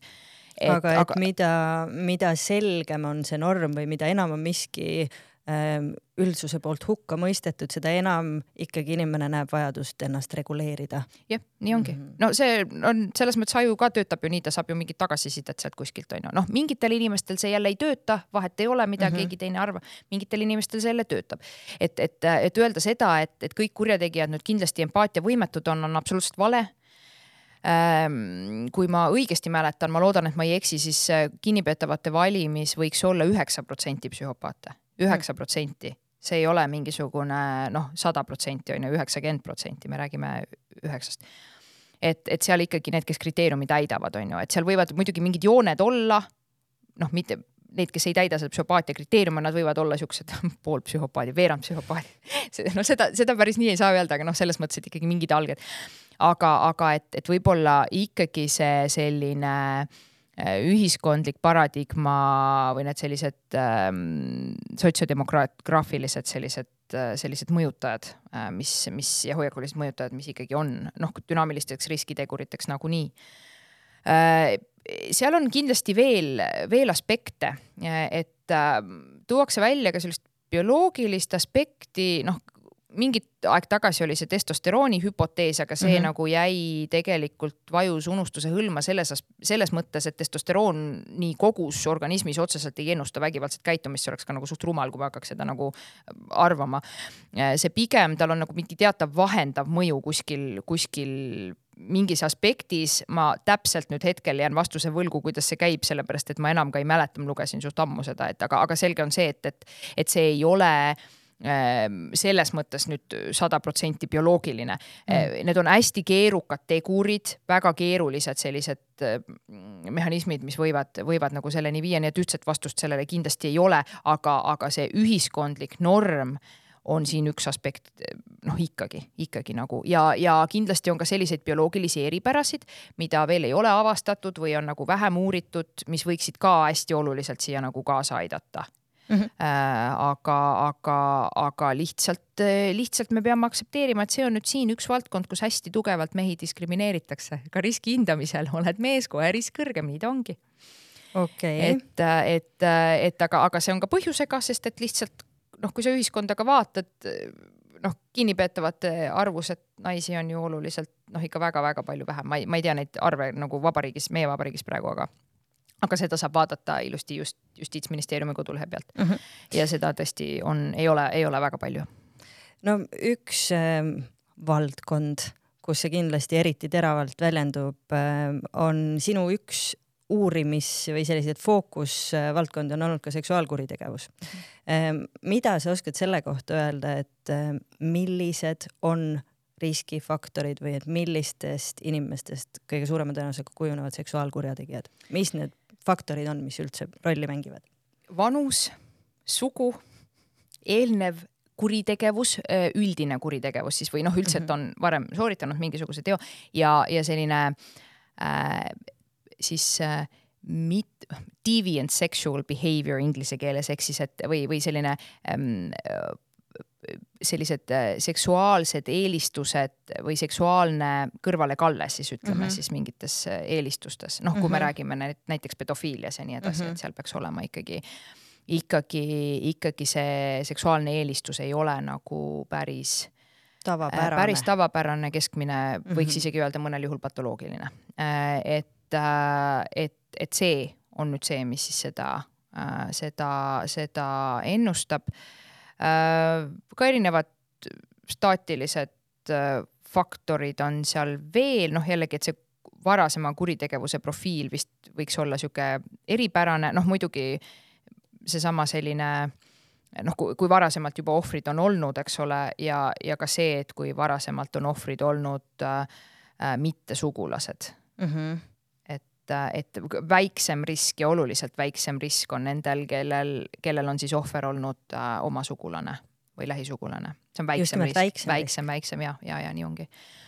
et et, et see tavaliselt on väga noh, šokeerib inimesi, aga mm -hmm. nii ta on, mhm. et teadus ütleb, ütleb seda. noh, mis iganes põhjusel see siis ka nii on, et kas ohver kasvab suureks, enam ei ole, eks ole, või on see kättesaadavus, mitte või siis, või siis, või siis spekuleerida võib ka seda, et, et noh, et, et, et see konkreetne inimene tundis konkreetse siis ohvriga, kes võib-olla oli tema lähisugulane, mingit mhm. sellist mm -hmm. vaimset kontakti, mis siis viis mm. -hmm. No, et see on selle konkreetse suhte põhine, põhine versus just, see, et lähen, et on mingisugune impulss või tarvidus, otsin mm -hmm. selle mhm. jaoks objekti. ja just, just mm -hmm. ja noh, jällegi see on nüüd selline valdkond, kus tuleb öelda, et see ei ole tahtest olenematu käitumine, et, et vahet ei ole ju noh, kui selle peale mõelda, et ega ju nii-öelda siis inimene, kelle seksuaalsättumus on siis noh, heterogeenne või, või, või heterogeenne, heteroseksuaalsus, issand jumal.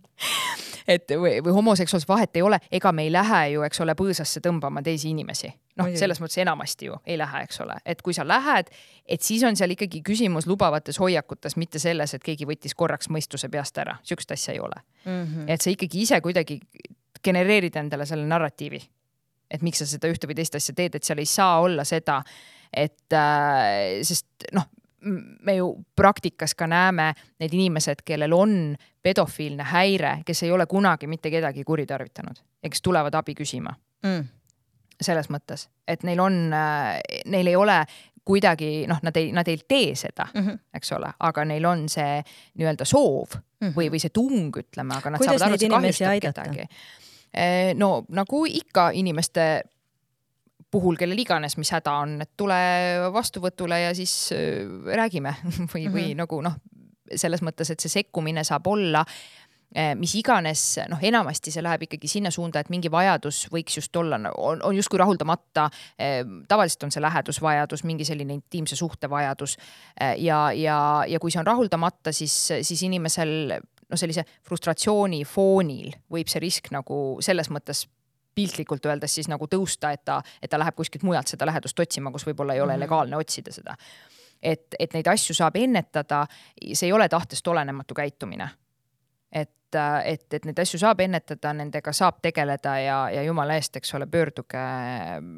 noh, hea kolleeg Margus Veem neid, neid vastuvõtte teeb äh, Viljandi haiglas, siis pöörduge ja, ja saate ja, ja nii ongi, et, et, et pigem pigem me ju tahame ennetada, mitte, mitte. ja julgustada nagu, inimesi abi otsima, kui ongi, nad ise näevad, et mingisugune impulss on. nii, nii ongi, et midagi on nagu valesti mm, -hmm. et, mhm. et, et mitte selles mõttes häbeneda, et, et pöörduja ja inimesed ju elavad ja nad võib-olla elavad isegi kvaliteetset elu ja nad ei soorita kunagi ühtegi õigusvastast tegu mm. -hmm. et noh, see ju illustreeribki, et et, et see ei ole mingisugune selline asi, et kus sa nagu nüüd äh, noh, mõistus on peast ära hüpanud ja siis lähed ja, ja sööstad kuskile põõsasse, eks ole, et noh, see, seda ei, sihukest asja ei, ei, ei ole, noh siis sul peab järelikult olema mingisugune lubav hoiak selles suhtes ka.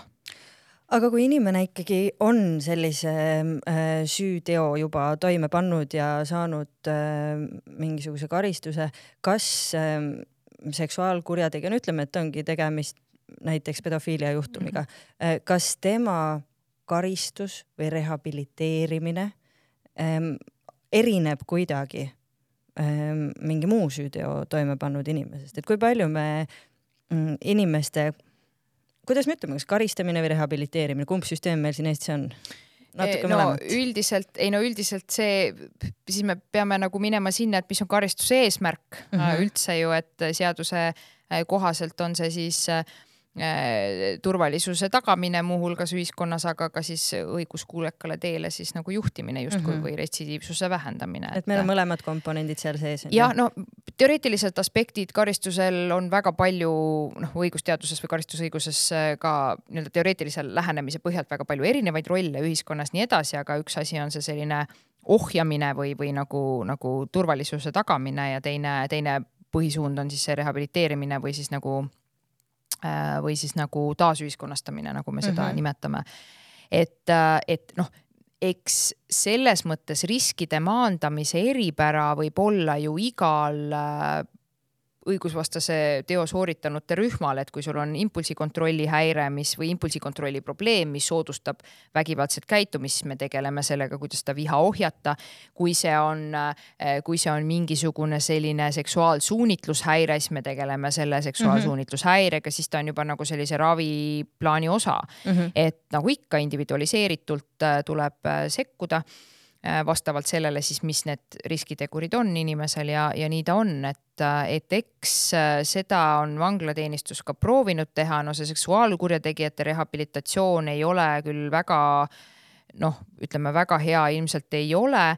Neil on teatud programmid, mida nad läbi viivad ja, ja mis nad seal nagu teevad, aga, aga ikkagi see jätkusuutlik selline sekkumine mis võiks olla ka edaspidi pärast äh, vanglast vabanemist, ühel hetkel kõik vabanevad, kellel ei ole eluaegne, eluaegne siis vanglakaristus, eks ole, ja ka nemad võivad vabaneda, kellel on eluaegne et, äh, et siis ühel hetkel nad vabanevad ja siis peaks olema see sekkumine juba ilmselt kas sotsiaal- või meditsiinisüsteemis mm -hmm. ja nii edasi. meil seda väga hästi korraldatud ei ole, meil on üksikud siis tegijad, kes, kes need, kes nendega siis nagu on nõus tegelema ja nii edasi no ma küsingi sult selle kohta, et äh, tänast kodutööd tehes ähm, tutvusin sellise dokumendiga nagu äh, õigusrikkujate vaimse tervise häirete uuring, kui ma ei eksi, kas ta oli aastast kaks tuhat seitseteist äkki? võib-olla mm, et kui me lähemegi sinna faasi, et inimene on kuriteo toime pannud, saanud selle eest karistuse, sattunud vanglasüsteemi. Ähm, kui ma vaatan seda statistikat, siis me saame teada, et Eestis diagnoositi neljakümne kolmel protsendil kinnipidamisasutustes viibijatest mõni vaimse tervise häire. Neist neljakümne kaheksal protsendil diagnoositi rohkem kui üks vaimse tervise häire ehk siis komorbiidsus. Äh, ja enne kinnipidamisasutusse sattumist oli vaimse tervise häire diagnoositud ainult kahekümne seitsmel protsendil. siia omakorda lisandus statistika, et kinnipidamisasutustes äh, viibivatest naistest oli see protsent vaimse tervise probleemidega veel kõrgem, et kui see meestel oli umbes nelikümmend kolm, naistel oli see üle viiekümne mm, see on märkimisväärne protsent, kui seda võrrelda üldise populatsiooniga, kes kunagi vangimajja ei satu, onju. Ehm, millisel kujul meie tänane vanglasüsteem tegeleb sellega, et vaimset tervist vaadelda inimese rehabiliteerimise seisukohast nagu mingi väga olulise aspektina, kui palju me pakume neile inimestele ähm, psühhoteraapiat või mingeid toetavaid vahendeid selleks, et neil päriselt kunagi vanglast vabanedes oleks võimalik äh, kuidagi paremini toime tulla noh, võib-olla jah, kui, kui me räägime nüüd päris meditsiinist selles mõttes, et, et kus on siis äh, meditsiinitöötajad, kes siis neid haigusi või häireid äh, ravivad no noh, nagu igal pool on seal ka suur põud, et kui me räägime noh, kolmest vanglast, eks ole, et Tartu vanglas on siis see statsionaarse psühhiaatria osakond, kus siis üle terve Eesti viiakse eh, haigeid kokku, kes vajavad eh, psühhiaatrilist statsionaarset ravi või mm. siis ekspertiisi alused, kes seal viibivad. et seal me räägime ühest täiskohaga psühhiaatrist ja ühest vist osakoormusega psühhiaatrist, mõned vaimse tervise õed, üks kliiniline psühholoog. kõigi Eesti vangide peale, kes vajaksid seda abi. saan ka eda-, räägin ka edasi, see on nüüd siis Tartu vangla personal. Äh, Viru vangla personal on, kui jällegi ma ei taha ülekohut teha, kui ma õigesti mäletan, minu meelest on seal vist hästi väikese koormusega, kas, kas ta käib kord kuus, kui mina veel viimati olin, ma ei tea, kas ta on koormust suurendanud. üks lastepsühhiaater, laste-noorukite psühhiaater, kes tegeleb pigem siis noorte kinnipeetavatega. Äh, rohkem seal psühhiaatrit ei ole, kliinilist psühholoogi seal ei ole vaimse tervise õde seal ei ole ja nii-öelda siis üksuses olevaid psühholooge on üks koma kolm äkki, kui ma õigesti mäletan, terve vangla peale. ja Tallinna vanglas on see olukord natuke parem, neil on mitu psühhiaatrit, küll ka vist osakoormusega äkki. ja kliinilis, kliiniline psühholoog, kutseline, kutsega kliiniline psühholoog on seal üks. ja noh, üksustes on siis natuke rohkem aga et, et, et selles mõttes noh, eks ole igal pool vajaka, seda me ju teame, et äh, psühhiaatrias ongi nagu jama majas. ja kliinilises psühholoogias samamoodi. Äh, ja eks nad üritavad teha oma parimate, nii seda, mis nad suudavad selle ajaga, mis neile antud on. ja seda ma oskangi öelda, et muidu noh, loomulikult see peaks olema palju komplekssemalt lähenema sellele. aga ma mõtlen, et mingit sellist äh, standardit otseselt ei ole, et ütleme, kui inimene satub kinnipidamisasutusse, tal diagnoositakse mingisugune äh, häire, siis sellele vaatamata ka kinnipidamisasutuses viibimise ajal, kui ta ei ole just noh, põhimõtteliselt, et tal ei, ei, tal ei laiene nagu mingit kohustust näiteks teraapiat saada, et see on ikkagi kinnipidamise, kinnipidamise vanglas, ajal ei saa otseselt nagu noh, ravi sa ei saa, vaata, see on, kui me mõtleme sellele, et see on ikkagi tsiviilõiguslik nii-öelda noh, ravisuhe või, või see lähtub nagu sellistest tsiviilõiguslikest alustest, inimene peab ise pöörduma, ise tahtma midagi, eks ole, et mm. keegi ei saa teda sundida mm. -hmm. sellise ennetähtaegse vabastamise kontekstis või siis tingimisi karistuse kontekstis saab olla see ravikohustus küll või see ei saagi olla ravikohustus, see saab olla kohustus pöörduda mm -hmm. kohtus pöörduda, mis sealt edasi saab, me ei tea mm -hmm. selles mõttes, et, et ju ega siis äh, noh, inimesed äh, või meditsiinipersonal esiteks ei ole enamasti väljaõpet saanud töötada sundkliendiga, see on esiteks Äh, see tähendab seda, et kui ta tuleb kohtumäärus näpus, ütleb, pidin pöörduma, küsitakse, mis sul viga on, ta ütleb mitte midagi. no mine ära siis, noh, selles mõttes ongi, et mm, -hmm. et seal tuleb hästi, no see ongi sihuke hästi pika vinnaga töö, et siis sa alustad seal motiveeriva intervjueerimisega, siis sa üritad ikka torkida igalt poolt, siis sa kutsud tagasi ja nii edasi. noh, tegelikult ei ole meil seda ressurssi et, et kui inimesed seisavad järjekorras kuude viisi, mõned lausa pool aastat, et psühhiaatri vastuvõtule üldse saada mm. -hmm Äh, et, et siis meil ei ole seda aega, et me jõuame nagu noh, kümme korda kutsume tagasi, et kas sul ikka tõesti, kas sul ikka nii, kas sul ikka naa, et noh, et keegi ei, ei tegele lihtsalt sellega. et see nõuaks eraldi süsteemi see nõuaks eraldi süsteemi, eraldi lähenemist, inimeste väljakoolitamist ja nii edasi. Aga paraku noh, ma ütlengi, et kui ei ole seda väga head süsteemi ka inimestel noh, meie ühiskonnas, kellel on probleem ja kes ei ole siis noh, sattunud vanglasse või, või midagi õigusvastast teinud et siis noh, see on ju poliitiline tahe, et mis hetkel me siis loome selle, selle süsteemi või koolitame inimesi välja, et nad, et nad ütleme, et ka see taasühiskonnastamine toimuks paremini, sest tegelikult noh, teaduskirjandus ütleb ka täna, et väga palju kasu äh, vanglas äh, läbi viidud siis sotsiaalprogrammidest retsidiivsusele ei ole, selles mõttes, et see on väga väike mm. see tulemus, et kasu võiks olla nendest äh, nendest sekkumistest, mis äh, vangla järgselt inimesele tehakse, see on ka selles mõttes loogiline, et kui sa nagu teed kuiva trenni seal vanglas, sa õpetad talle mingeid muid oskusi, aga ta ei saa neid kasutada võib-olla mm, -hmm, sest et ta on päevad läbi, kus ta, kus ta siis harjutab neid, on ju.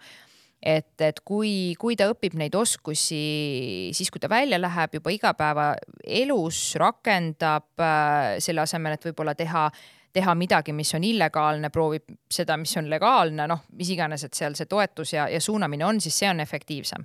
noh, mis on ka täitsa loogiline, et ta nagu ilmselt ongi efektiivsem.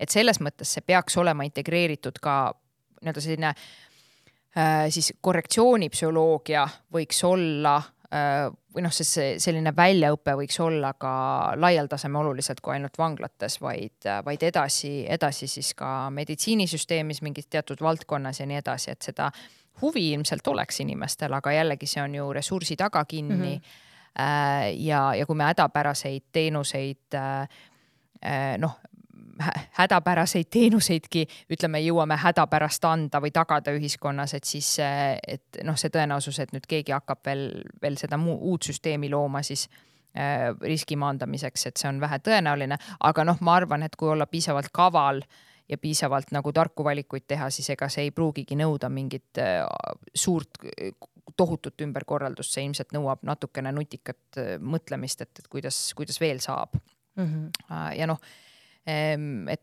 et, et, et seda võiks, võiks loomulikult noh, sest see tegelikult ju on ka noh, kui me räägime täna riigi julgeolekust, et see on hästi oluline, et me tagame meie jätkusuutlikkuse ja julgeoleku, siis, siis see ei ole ju mitte midagi muud kui ka riigi julgeolek. et, et, et seda tuleb ju, ju noh, kuidagiviisi me, need inimesed ju tulevad, eks ole, ühel või teisel hetkel seal vanglast välja, et mis me mm -hmm. siis teeme nendega, et, et nojah, ja see on üldse nii äh, kuidagi keeruline, moraalselt keeruline arutelu, eks ole, et kui palju ressurssi suunata õigusrikkujate suunas on ju, et äh, noh, nagu sa välja tood, et kui mhm. meil inimesed, kes ei ole õigusvastast tegu toime pannud, ei saa arsti juurde, et kas on olulisem suunata ressurss sinna, et väldime korduvat õigusrikkumist, rehabiliteerimist, see on justkui ka ju, nagu sa mhm. ütled, turvalisuse küsimus või siis teisest küljest on prioriteediks see, et me ennetame seda, et inimesed üldse esimese õigusrikkumiseni nagu jõuavad, onju, et see on eh, noh, umbes sama küsimus, et kas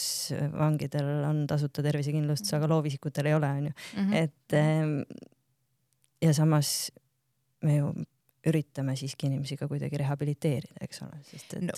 seal on mingi põhjus, miks nad on seal mingi aja ja siis tulevad välja ja peaksid justkui uuesti saama ühiskonnaliikmeteks, mitte me ei raiu inimestel käsi maha või päid maha, onju.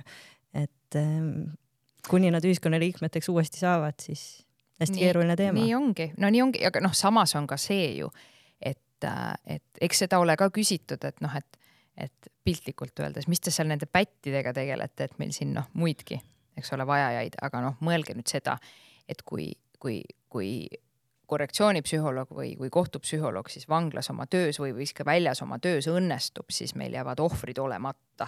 just et see on nagu noh, kõige suurem tasu. küsimus ei ole mitte pätiga töötamises, vaid küsimus on, on selles, et mis jama jääb tegemata mm -hmm.. noh, ja need ohvrid ju on need, kes pärast tulevad uuesti meditsiinisüsteemi ja nii edasi, nii edasi. et see kulu iseenesest, see ju tõmbab seda kulu kokku, kui me efektiivselt äh, teha saame tege-, tegeleda saame nagu süsteemselt ja efektiivselt, et, et see võiks olla küll Äh, küll äh, nagu selles mõttes prioriteetide seas ikkagi, et noh, julgeolek ta on ju täiesti selgelt, on ju. et ühel hetkel, kui me sellega ei tegele, siis see kasvab nii suureks, et ta on jälle üle pea ja siis peab nagunii tegelema mm. -hmm. siis peab nagunii tegelema, noh nagu kõigega siin, nagu me näeme täna, täna ju meie, meie ühiskonnas mm. -hmm no nii äh,, oleme rääkinud päris palju, aga enne kui me otsad kokku tõmbame, ma äh, ühe asja kohta tahaks veel uurida, et kuna mm, neid erinevaid ähm, rakendusi psühholoogile äh, üldse kriminaalvaldkonnas on nii palju. me tegelikult noh, on palju teemasid, mida me ei ole täna puudutanud, olgu see äh, meie politseinike väljaõpe, kuidas nad üldse on võimelised äh, ütleme siis häiritud psüühikaga inimesega kontakti võtma, seda olukorda reguleerima, deeskaleerima. me võime rääkida sellest, et kuidas ähm, millist rolli saavad psühholoogid mängida ähm, tunnistajate või kas tunnistajate, ohvrite ülekuulamise juures, kus on vaja väga delikaatset lähenemist, et neid, neid külgi on hästi-hästi palju, mille kõigeni me täna ei jõua. Äh, küll aga sellist magusat küsimust ma ei saa küsimata jätta, et kas äh, ka mõnes uurimises ütleme siis, kui ma saan aru, et kohtuaste on justkui üks külg, aga et kas, kas, kas ka mingis uurimise protsessis Äh, kaasatakse meil Eesti Vabariigis psühholooge, olgu see kurjategija tabamiseks, mingi profiili loomiseks, kas sinu kogemuses on ka mingit sellist tööd? no see profiili loomine, see on küll jah, mulle ka väga meeldib see criminal minds, et, mm -hmm. kas sa profileerid, no see ei ole tõenduspõhine, siin ei ole nagu mhm. midagi öelda, et sealt ei saa. et, et seda me näeme tõesti ainult filmis ja ongi hästi põnev Äh, kuigi seda noh, praktikas ka, ma saan aru, ikkagi nagu USA-s ju täiesti kasutatakse, ilmselt ka mõnes teises riigis, aga, aga eks ta ole ikkagi natuke niisugune struktureeritud kõhutunne, mitte väga nagu muud, aga noh, lasku käia. mis siis ikka et, et seega noh, ma ei pea ka väga õigeks, et, et, et kuidagi mingit arvamust kuskil hakata nagu, nagu avaldama selles osas. aga eh, noh, süsteemselt ei kasutata, ikka on keegi, kes kuule helistab sõbrale, kuule, et mul on sihuke asi ja mis sa arvad. et noh, midagi on ähm, selles mõttes ta, ta ei ole kindlasti film, ma ütlen, et see pigem on see põnevus tuleb nagu noh, läbi dokumentide või noh, sellistel võib-olla nagu sihukestel äh, sellistel, sellistel nagu mina, et nii põnev on dokumentides kaevuda, et võib-olla noh, see ettekujutus kohtupsühholoogi tööst on palju, ütleme, võib-olla põnevam, kui see tegelikult nagu on, lihtsalt et huviala on mul selline eh, siis, siis ütleme, et päris nagu sellises menetlusprotsessis kolleegid on küll rääkinud, et mingis hetkes on uurijad helistanud ja küsinud ka mingit noh, tõenäosust, et mis see siin nüüd nagu võiks olla või nii edasi.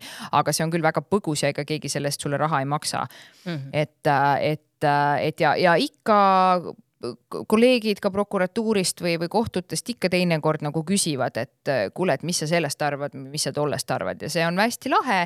ikka arvame siin koos ja nii edasi, aga noh, see ongi see, et, et, et, et see ei ole otseselt töö, sest et sa teed seda nagu tasuta for fun enda siis, siis heale kolleegile või, või, või koguni sõbrale, et et, et, et seda võiks olla küll palju rohkem, sellepärast et tegelikult seda soovi ka menetlejatel menetluse siis kestel äh, oleks küll aga, ja neid küsimusi ikka tuleb ka, aga noh, ma ütlengi, et, et, et ega keegi seda nagu päris oma noh, et kui ma töötan veel nagu mitmes muus kohas, et mul lihtsalt ei ole seda aega, noh, et ma õhtuti, õhtuti võin seda lihtsalt nagu söögi kõrvale teha, aga see päris ei ole ka nagu võib-olla õiglane.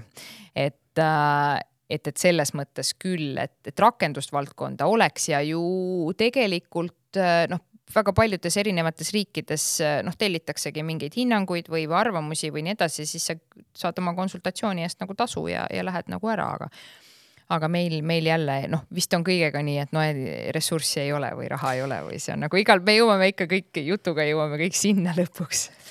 ehk siis psühholoogi kaasamine politsei uurimisse on umbes nii nagu selgeltnägijate kaasamine, et vahel tõesti tehakse kui me tõesti ei tea, kust otsida, vahel me kutsume pendlimehe ka, ütleme, et aga mis sa pakuks. aga paku lihtsalt ja no e, okei okay,, eks see võib-olla, võib-olla on ta pigem nagu, kui on, siis on pigem ikkagi seal, kus on selgelt noh, küsimus tuleb, et on juba mingi tegu toime pandud ja võib-olla see inimenegi kätte saadud, aga ta ajab nagu noh, mingit kas segast, segast juttu mm. piltlikult öeldes, mis iganes. Et neil on vaja kiiret hinnangut, et mis see siis nagu võiks olla või, või mitte või kas tellida ekspertiis või mitte või, või mis asja. et, et, et selles osas küll see nõustamine teinekord nagu kulub ära, et noh ma ei tea, mul kolleeg vist ühte juhust on rääkinud, kus ta siis tõesti, kas, kas see oligi me, kas see oligi siis kurjategija tabamisel või kuidagi ei olnud enne tabatud, aga ikkagi konsulteeriti, et kas nii noh, nii-öelda selge mõistusega inimene siis teeb sihukest asja või, või nii edasi mm., et keda siis võib-olla otsida või kuidagi nii vist oli, ma võin nüüd eksida, aga mu meelest see ikka väga mingil hetkel võis küll olla ja noh, selles mõttes ikka, et noh, et ikka võib küsida, et kas selge mõistusega inimene teeb nii või naa, aga samas see vastus on see, et et, et inimesed, kellel ütleme, rasket psüühikahäiret ei ole, panevad ikka toime väga erinevaid hullemaid asju kui need inimesed, kellel raske psüühikahäire on. et, et, et selles mõttes pigem ma nagu noh, ei ütleks, et, et, et see nii-öelda sellised ekstreemsed juhtumid tuleks just sealt, kus on ikka väga-väga raskelt äh, siis psüühika häiritud, et pigem mm., pigem nagu mitte, aga noh, ka neid, neid asju nagu on, et. aga tasub ettevaatlik olla selliste ikka, üldistustega? ikka, ikka tasub, ikka tasub jah, et, et jah, kokkuvõttes tööpõldu ilmselt oleks ja oleks ju täitsa, täitsa tegelikult ka tore ja ilmselt saaks ka kasulik olla aga, aga jah, nagu ma ütlen, et see on niisugune hästi nišivärk meil siin äh, tänapäeval, et siuksed üksikud, üksikud fännid ja entusiastid, kes sellega nagu tegelevad ja ja, ja siis on, on tükk tühja maad. Äh, aga, aga noh, ei tea, võib-olla pärast minu aega, et eks me ikka tööta äh, Eesti Kohtupsühhiaatria Kohtupsühholoogia Ühingus selle nimel, et et, et et, et võib-olla tulevastel põlvedel on siis tööd, mida teha või, või et noh, asjad ikka arenevad ja, ja nii ta on, et, et katsume siis ikkagi nagu lippu kõrgel hoida suurepärane. Eh, ma küsin sult lõpetuseks ühe küsimuse, mida ma küsin kõigilt inimestelt, kes mulle siia eh, laua taha istuvad ja tegelikult saamegi selle koha pealt jätkata, et millist muutust sa tahaksid näha. Küsimus on selline, et kui Eesti Vabariigis oleks selline positsioon nagu vaimse tervise minister ja sellel ministril oleks lõputu rahapada seal ministeeriumi keldris ja täielik autonoomia ja selles äh, ametis leiaks ennast sina, siis mis oleks esimesed kolm muutust, mille sa kiiremas korras teeksid selleks, et meie vaimne tervis oleks kuidagi paremini hoitud? no mina pean vaatama natuke omast aspe-, ei noh, kui ma vaatan nagu sellised üldise, üldise poliitika aspektist, et siis kindlasti, kindlasti noh, issand, mis kõik ära ei teeks. Aga ma arvan, et ma vaatan sellise kohtupsühholoogi valdkonnast, ma arvan, et ma hakkaks rahastama väljaõpet äh, siis äh, nii psühhiaatrite residentuuris, kas siis otseselt erisuuna või vähemalt nagu sellise süsteemse väljaõppe, kohtupsühhiaatria valdkonnas siis väljaõppe äh, varal äh, ja, ja kindlasti siis ka Psühholoogia Instituudis Tartu Ülikoolis siis ütleme, looks vähemalt sellise mudeli või ma arvan, et need võiks olla ühendatud, et luua selline kohtupsühhiaatria, psühholoogia valdkonna selline väljaõpe, mis on süsteemne ja mis on jätkusuutlik ja mis, mida pakutakse kõrghariduse tasemel mm -hmm. kasvõi lisa, lisa, lisaväljaõppena. Äh, see on ilmselt esimene asi, mida ma teeks teine asi, mida ma teeks, on äh, kehtestaks äh, sellega siis seonduvalt kindlasti ekspertiisidel, ekspertiiside tegijatel peaks olema kohtupsühhiaatri või kohtupsühholoogi kutse, et see ei ole võimalik, noh, see ei tohiks olla võimalik, noh isegi Leedus ei ole see võimalik, et keegi, kellel kutset ei ole.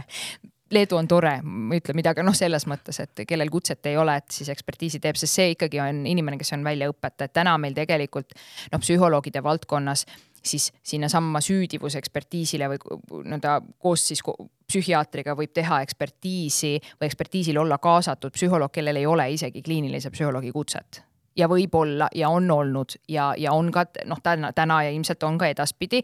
see peaks olema võimatu, seda ei tohiks olla, sellepärast et see tegelikult noh, me teame seda, et psühholoogiks võib ennast nimetada sisuliselt igaüks, on ju. et, et noh noh, mis see tähendab, et noh, et see oleks umbes paralleelselt selline asi, et noh, et see ei ole ka psühhiaater, vaid on ortopeed, kes seda psühhiaatrilist ekspertiisi sealt teeb või on perearst. Neil on ju ka psühhiaatria moodul on ju. no ongi, et midagi ikka, noh, midagi ikka on, et hädapärast arst oled ikka lase käia mm, -hmm. et noh, tegelikult me teame, seda ei lastaks läbi mitte kusagil, aga, aga, aga psühholoogi vaate punktist siis on niimoodi, et noh, et vahet ei ole, siis on sul või ei ole seda kutset. Et tegelikult see ei tohiks olla, see peaks olema riiklikul tasemel väga rangelt reguleeritud ja, ja, ja, ja peakski olema need tegijad, kas siis tõesti äh, rangelt kutsega psühhiaatrid, kohtupsühhiaatrid ja kohtupsühholoogid või siis ütleme noh, ekstreemsetel juhtudel me teame, et asjad ei arene väga kiiresti, kui seda väljaõpet ka süsteemselt pole olnud, et siis vähemalt juhendamise all olene, olevad nagu mm, -hmm. kes taotlevad seda kutse, on taotlemisel ja juhendamise all seda nagu teevad, et, et see oleks veel võimalik ja, ja me ei saagi noh, need oleks need põhilised muutused, mida mina teeks ja loomulikult äh, see riski hindamise vahendid paljusus valideerimine, kasutamine vanglasüsteemis ennetähtaegsetel vabastamistel, äh, sundravilt vabastamistel, miks mitte ka miks mitte ka siis äh, kohtumäärusega erihoolde, hooldusteenusel vabastamisel või muutmisel, mis iganes, et kõik see selline tõenduspõhisuse rahastamine oleks esimene asi, mis ma, mis ma teeksin, et seda kvaliteeti nagu tagada. ja, ja, ja, ja ma arvan, et need muudatused oleks ka kõige, kõige olulisemad siin, mis teha. Ja noh, muidugi vangla, vanglameditsiin, kus peaks seda ressurssi äh, olema oluliselt rohkem mm. äh, igatepidi ja ka, ka inimeste palgad või, või töötasud siis peakski olema selgelt äh,, selgelt suurem ja, ja neid peaks selles mõttes väärtustama, nad teevad väga-väga rasket tööd no aga soovime neile siis äh, edu ja nagu näha, et siis päris kolmega ei saa piirduda, sest et nagu noh, tegelikult see tööpõld on lai ja see võimalus selles suunas süsteemi arendada on tegelikult see potentsiaal on tohutu, nii et ma saan aru, et sina koos kolleegidega sellega hoolega tegeled. Äh, jõudu selles töös ja suur aitäh sulle, et sa täna stuudiosse tulid aitäh, mul oli väga-väga meeldiv vestlus. väga tore. Äh, aitäh ka kõigile kuulajatele ja vaatajatele, et te meiega selle tund aega veetsite. minu vastas istub Mari-Liis Mägi, atesteeritud kliiniline kohtupsühholoog ja neuropsühholoog ja arutasime täna just nimelt seda, et milline seos on meie vaimsel tervisel kuritegeliku käitumisega. nii et ma loodan, et tänane episood andis teile rohkelt mõtteainet, mingeid vastuseid, võib-olla ka mõningaid küsimusi. Äh, nagu meil kombeks, siis igasugune materjal, mis täna meie jutust läbi käis, olgu see see uuring või kui Mari-Liis, sul on äkki mingeid lisamaterjale veel lisada, millega, millega meie kuulajad võiksid minna rohkem süvitsi, siis äh, sellised lugemismaterjalid lingime siia episoodi juurde. ükskõik milliselt platvormilt te meid täna kuulate, ärge unustage vajutada subscribe ehk siis märkige ennast meie podcast'i jälgijateks, sest siis me saame teieni tuua veel enam järgmisi vestlusi, kus me räägime nagu ikka vaimsest tervisest, aga iga kord uue külalisega ja natuke erineva nurga alt. mina olen Marta ja mis mõttes puhul on tegemist Stories for Impacti poolt ellu kutsutud ja Erasmus plussi poolt toetatud täiskasvanuhariduse projektiga. seega, kui teil on ettepanekuid järgmiste episoodide suhtes, siis kirjutage mulle marta at storiesforimpact.com ja kohtumiseni juba järgmisel nädalal.